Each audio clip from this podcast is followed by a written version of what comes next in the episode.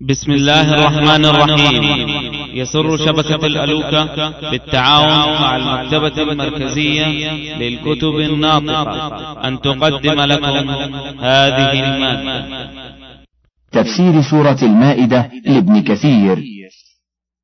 وفي الحديث الآخر أن رسول الله صلى الله عليه وسلم أمر بقتل الكلاب ثم قال ما بالهم وبال الكلاب اقتلوا منها كل أسود بهيم.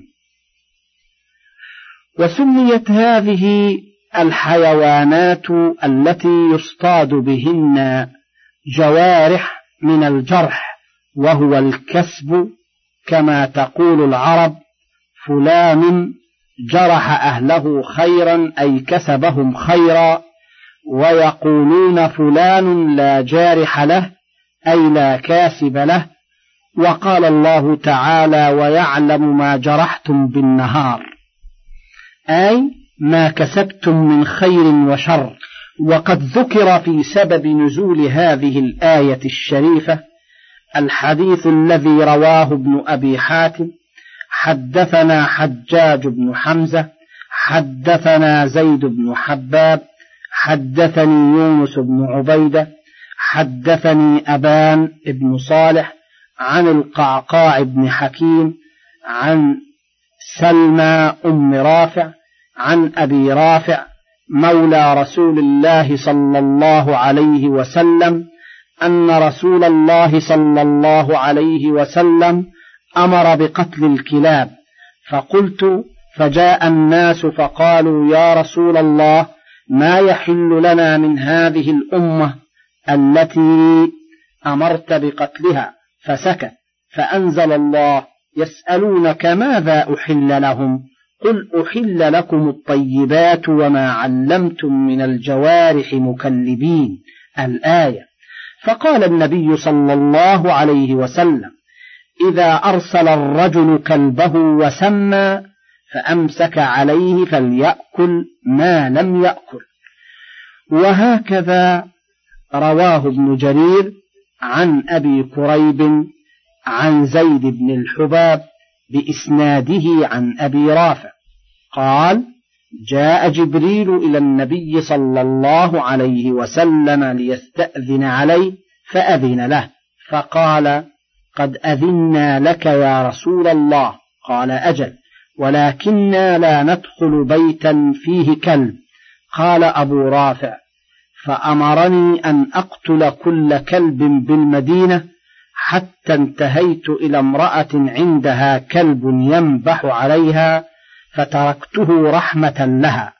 ثم جئت إلى رسول الله صلى الله عليه وسلم فأخبرته فأمرني فرجعت إلى الكلب فقتلته. فجاءوا فقالوا يا رسول الله ما يحل لنا من هذه الأمة التي أمرت بقتلها؟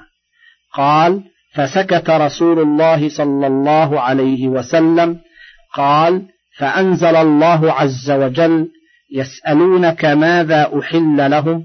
قل أحل لكم الطيبات وما علمتم من الجوارح مكلبين. ورواه الحاكم في مستدركه من طريق محمد بن إسحاق عن أبان بن صالح به وقال صحيح ولم يخرجاه. وقال ابن جرير حدثنا القاسم حدثنا الحسين حدثنا حجاج عن ابن جريج عن عكرمة أن رسول الله صلى الله عليه وسلم بعث أبا رافع في قتل الكلاب حتى بلغ العوالي فجاء عاصم بن عدي وسعد بن خيثمة وعويم بن ساعدة فقالوا ماذا أحل لنا يا رسول الله؟ فنزلت الآية ورواه الحاكم من طريق سماك عن عكرمة وكذا قال محمد بن كعب القرظي في سبب نزول هذه الآية إنه في قتل الكلاب. وقوله تعالى مكلبين يحتمل أن يكون حالا من الضمير في علمتم فيكون حالا من الفاعل ويحتمل أن يكون حالا من المفعول وهو الجوارح أي وما علمتم من الجوارح في حال كونهن مكلبات للصيد وذلك أن تقتنصه بمخالبها أو أظفارها فيستدل بذلك والحالة هذه على أن الجارح إذا قتل الصيد بصدمته وبمخلابه وظفره أنه لا يحل له كما هو أحد قولي الشافعي وطائفة من العلماء. ولهذا قال تعلمونهن مما علمكم الله وهو أنه إذا أرسله استرسل وإذا أشلاه استشلى وإذا أخذ الصيد أمسكه على صاحبه حتى يجيء إليه ولا يمسكه لنفسه. ولهذا قال تعالى فكلوا مما أمسكن عليكم واذكروا اسم الله عليه فمتى كان الجارح معلما وأمسك على صاحبه وكان قد ذكر اسم الله عليه وقت إرساله حل الصيد وإن قتله بالإجماع. وقد وردت السنة بمثل ما دلت عليه هذه الآية الكريمة كما ثبت في الصحيحين عن علي بن حاتم قال قلت يا رسول الله إني أرسل الكلاب المعلمة وأذكر اسم الله. فقال إذا أرسلت كلبك المعلم وذكرت اسم الله فكل ما أمسك عليك. قلت وإن قتلنا قال وإن قتل ما لم يشركها كلب ليس منها فإنك إنما سميت على كلبك ولم تسم على غيره. قلت له فإني أرمي بالمعراض الصيد فأصيب. فقال إذا رميت بالمعراض فخزق فكل وإن أصابه بعرض فإنه وقيف فلا تأكل. وفي لفظ لهما إذا أرسلت كلبك فاذكر اسم الله فإن أمسك عليك فأدركته حيا فاذبح وإن أدركته قد قتل ولم يأكل منه فكل فإن أخذ الكلب ذكاته وفي رواية لهما فإن أكل فلا تأكل فإني أخاف أن يكون أمسك على نفسه. فهذا دليل للجمهور وهو الصحيح من مذهب الشافعي وهو أنه إذا أكل الكلب من الصيد يحرم مطلقا ولم يستفصلوا كما ورد بذلك الحديث وحكي عن طائفة من السلف أنهم قالوا لا يحرم مطلقا. ذكر الآثار بذلك. قال ابن جرير حدثنا هناد حدثنا وكيع عن شعبة عن قتادة عن سعيد بن المسيب قال قال سلمان الفارسي كل وإن أكل ثلثيه يعني الصيد إذا أكل منه الكلب. وكذا رواه سعيد بن أبي عروبة وعمر بن عامر عن قتادة. وكذا رواه محمد بن زيد عن سعيد بن المسيب عن سلمان. ورواه ابن جرير أيضا عن مجاهد بن موسى عن يزيد عن حميد عن بكر بن عبد الله المزني والقاسم أن سلمان قال إذا أكل الكلب فكل وإن أكل ثلثيه وقال ابن جرير حدثنا يونس ابن عبد الأعلى أخبرنا ابن وهب أخبرني مخرمة بن بكير عن أبيه عن حميد بن مالك ابن خيثم الدؤلي أنه سأل سعد بن أبي وقاص عن الصيد يأكل منه الكلب فقال كل وإن لم يبق منه إلا حذية يعني بضعة ورواه شعبة عن عبد ربه ابن سعيد عن بكير ابن الأشج عن سعيد بن المسيب عن سعد بن أبي وقاص قال كل وإن أكل ثلثيه وقال ابن جرير حدثنا ابن المثنى حدثنا عبد الأعلى حدثنا داود عن عامر عن أبي هريرة قال إذ أرسلت كلبك فأكل منه فإن أكل ثلثيه وبقي ثلثه فكله. وقال ابن جرير حدثنا محمد بن عبد الأعلى حدثنا المعتمر قال سمعت عبد الله وحدثنا هناد حدثنا عبدة عن عبيد الله بن عمر عن نافع عن عبد الله بن عمر قال إذا أرسلت كلبك المعلم وذكرت اسم الله فكل ما أمسك عليك أكل أو لم يأكل. وكذا رواه عبيد الله بن عمر وابن أبي ذئب وغير واحد عن نافع. فهذه الآثار ثابتة عن سلمان وسعد بن أبي وقاص وأبي هريرة وابن عمر وهو محكي عن علي وابن عباس واختلف فيه عن عطاء والحسن البصري وهو قول الزهري وربيعة ومالك وإليه ذهب الشافعي في القديم وأومأ إليه في الجديد. وقد روي من طريق سلمان الفارسي مرفوعا فقال ابن جرير حدثنا عمران ابن بكار الكلاعي حدثنا عبد العزيز ابن موسى اللاحوني حدثنا محمد بن دينار وهو الطاجي عن أبي إياس معاوية ابن قرة عن سعيد بن المسيب عن سلمان الفارسي عن رسول الله صلى الله عليه وسلم قال إذا أرسل الرجل كلبه على الصيد فأدركه وقد أكل منه فليأكل ما بقي. ثم قال ابن جرير وفي إسناد هذا الحديث نظر وسعيد غير معلوم له سماع من سلمان والثقات يروونه من كلام سلمان غير مرفوع. وهذا الذي قاله ابن جرير صحيح لكن قد روي هذا المعنى مرفوعا من وجوه أخر. فقال أبو داود حدثنا محمد بن منهال الضرير حدثنا يزيد بن زريع حدثنا حبيب المعلم عن عمرو بن شعيب عن أبيه عن جده أن أعرابيا يقال له أبو ثعلبة قال يا رسول الله إن لي كلابا مكلبة فأفتني في صيدها.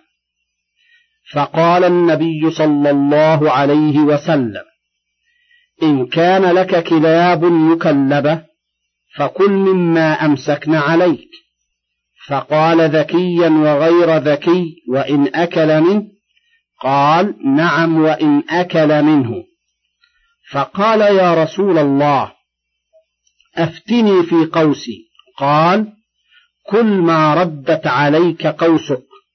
قال ذكيا وغير ذكي.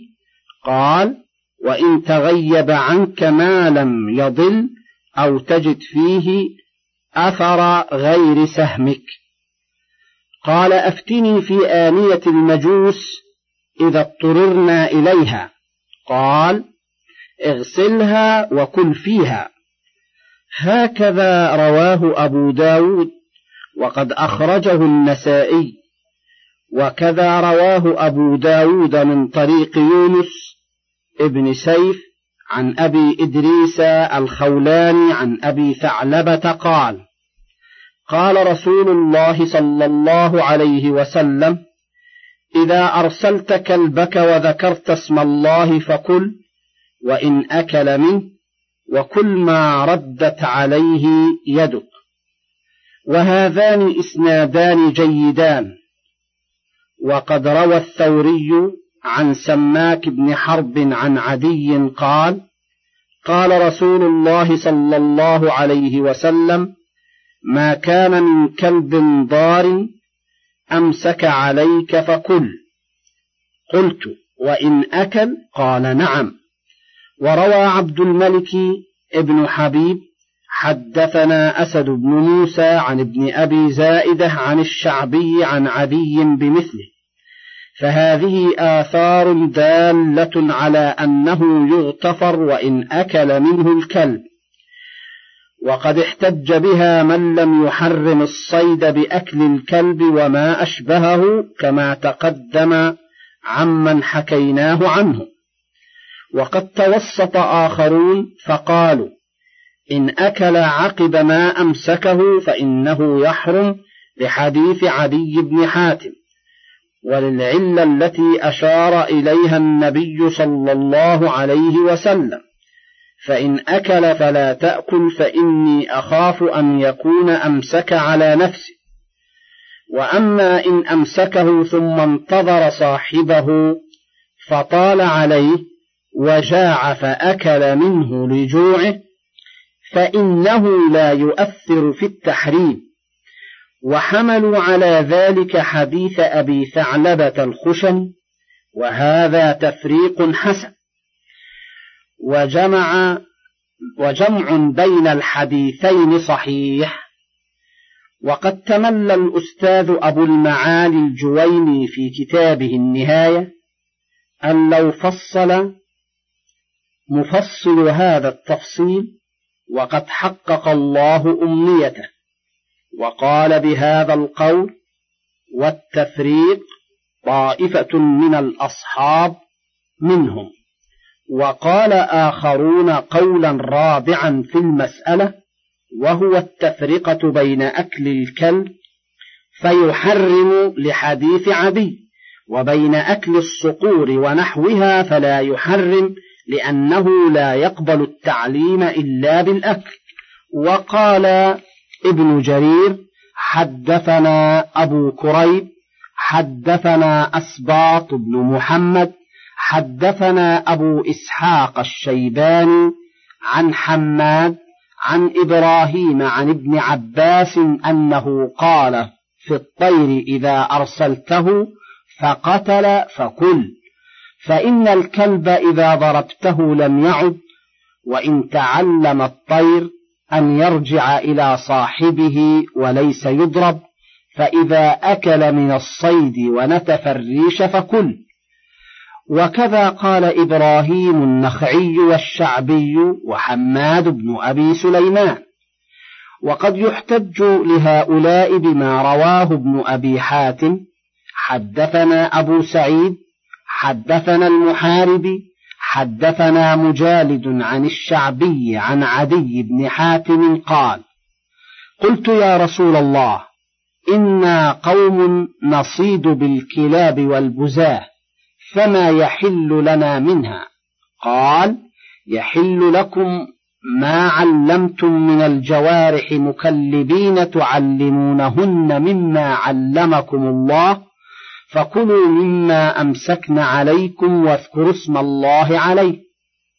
ثم قال ما أرسلت من كلب وذكرت اسم الله عليه فكل مما أمسك عليك.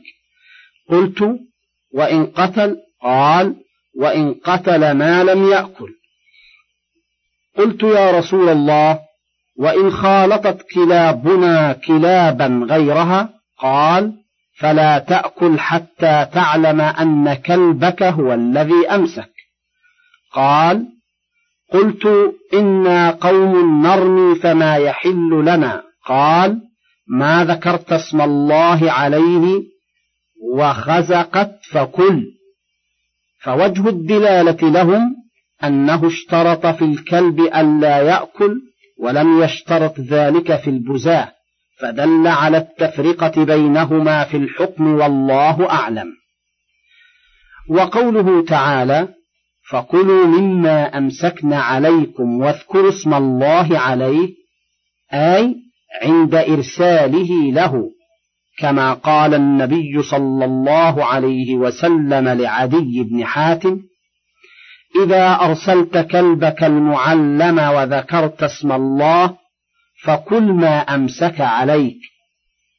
وفي حديث أبي ثعلبة المخرج في الصحيحين أيضا إذا أرسلت كلبك فاذكر اسم الله وإذا رميت بسهمك فاذكر اسم الله. ولهذا اشترط من اشترط من الأئمة كالإمام أحمد رحمه الله في المشهور عنه التسمية عند إرسال الكلب والرمي بالسهم لهذه الآية وهذا الحديث. وهذا القول هو المشهور عند الجمهور أن المراد بهذه الآية الأمر بالتسمية عند الإرسال كما قال السدي وغيره.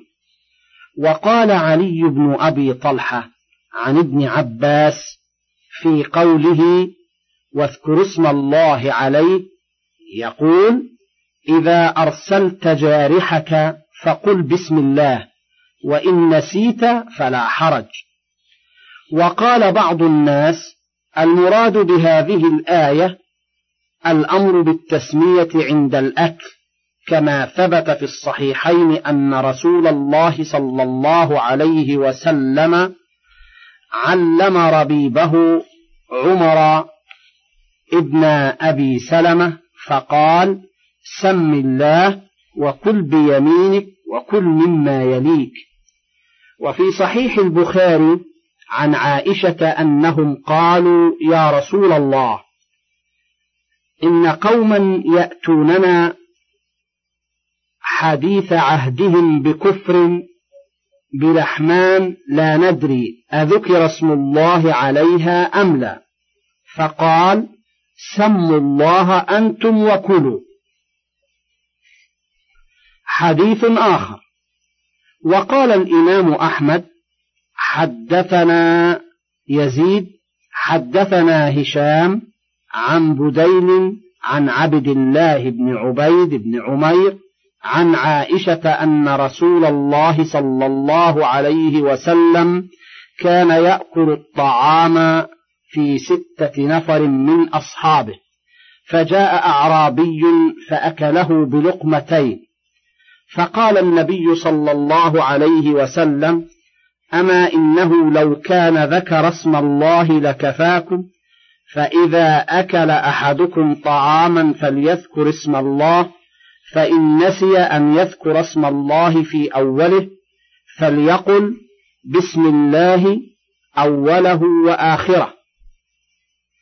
هكذا رواه ابن ماجه عن أبي بكر بن أبي شيبة عن يزيد ابن هارون به وهذا منقطع بين عبد الله بن عبيد بن عمير وعائشة فإنه لم يسمع منها هذا الحديث بدليل ما رواه الإمام أحمد. حدثنا عبد الوهاب أخبرنا هشام يعني ابن أبي عبد الله الدستوائي عن بديل عن عبد الله بن عبيد بن عمير أن امرأة منهم يقال لها أم كلثوم حدثته عن عائشة أن رسول الله صلى الله عليه وسلم كان يأكل طعاما في ستة نفر من أصحابه فجاء أعرابي جائع فأكله بلقمتين. فقال أما إنه لو ذكر اسم الله لكفاكم فإذا أكل أحدكم فليذكر اسم الله فإن نسي اسم الله في أوله فليقل بسم, بسم الله أوله وآخره. رواه أحمد أيضا. وأبو داود والترمذي والنسائي من غير وجه عن هشام الدستوائي به. وقال الترمذي حسن صحيح. حديث آخر. وقال أحمد حدثنا علي بن عبد الله حدثنا يحيى بن سعيد حدثنا جابر بن صبح حدثني المثنى ابن عبد الرحمن الخزاعي وصحبته إلى واسط فكان يسمي في أول طعامه وفي آخر لقمة يقول بسم الله أوله وآخره. فقلت له إنك تسمي في أول ما تأكل. أرأيت قولك في آخر ما تأكل؟ بسم الله أوله وآخره. فقال أخبرك أن جدي أمية ابن مخشى وكان من أصحاب النبي صلى الله عليه وسلم سمعته يقول إن رجلا كان يأكل والنبي ينظر فلم يسم حتى كان في آخر طعامه لقمة. قال بسم الله أوله وآخره فقال النبي صلى الله عليه وسلم والله ما زال الشيطان يأكل معه حتى سمى فلم يبق شيء في بطنه حتى قاءه وهكذا رواه أبو داود والنسائي من حديث جابر ابن صبح الراسبي أبي بشر البصري ووثقه ابن معين والنسائي وقال أبو الفتح الأزدي لا تقوم به حجة حديث آخر قال الإمام أحمد حدثنا أبو معاوية حدثنا الأعمش عن خيثمة عن أبي حذيفة قال أبو عبد الرحمن عبد الله ابن الإمام أحمد واسمه سلمة ابن الهيثم ابن صهيب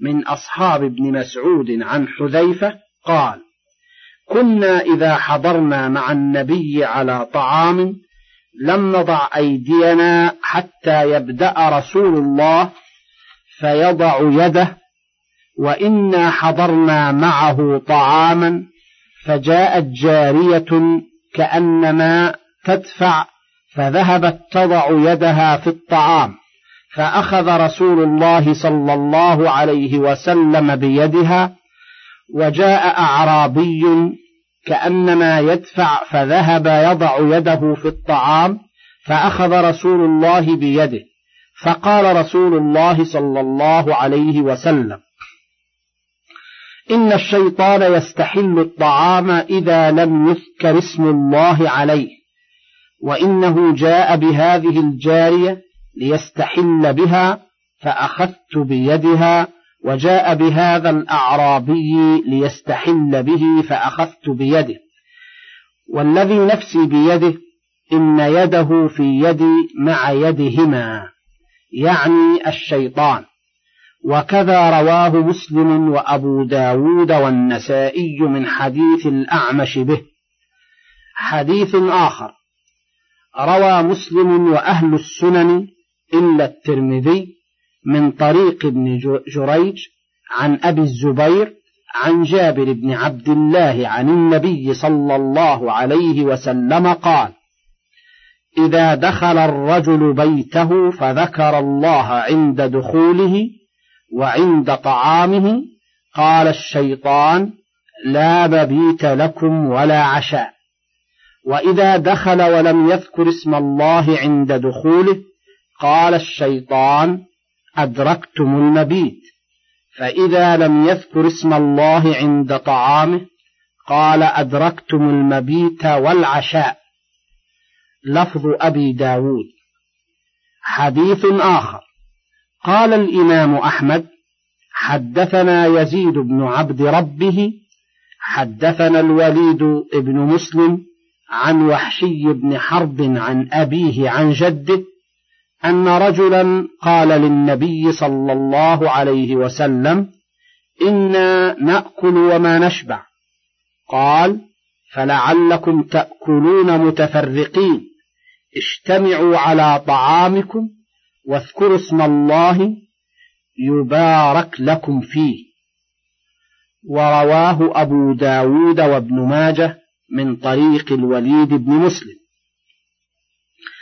اليوم أحل لكم الطيبات وطعام الذين أوتوا الكتاب حل لكم وطعامكم حل لهم والمحصنات من المؤمنات والمحصنات من الذين أوتوا الكتاب من قبلكم إذا آتيتموهن أجورهن محصنين غير مسافحين محصنين غير مسافحين ولا متخذي أخدان ومن يكفر بالإيمان فقد حبط عمله وهو في الآخرة من الخاسرين. من فضلك تابع بقية المادة.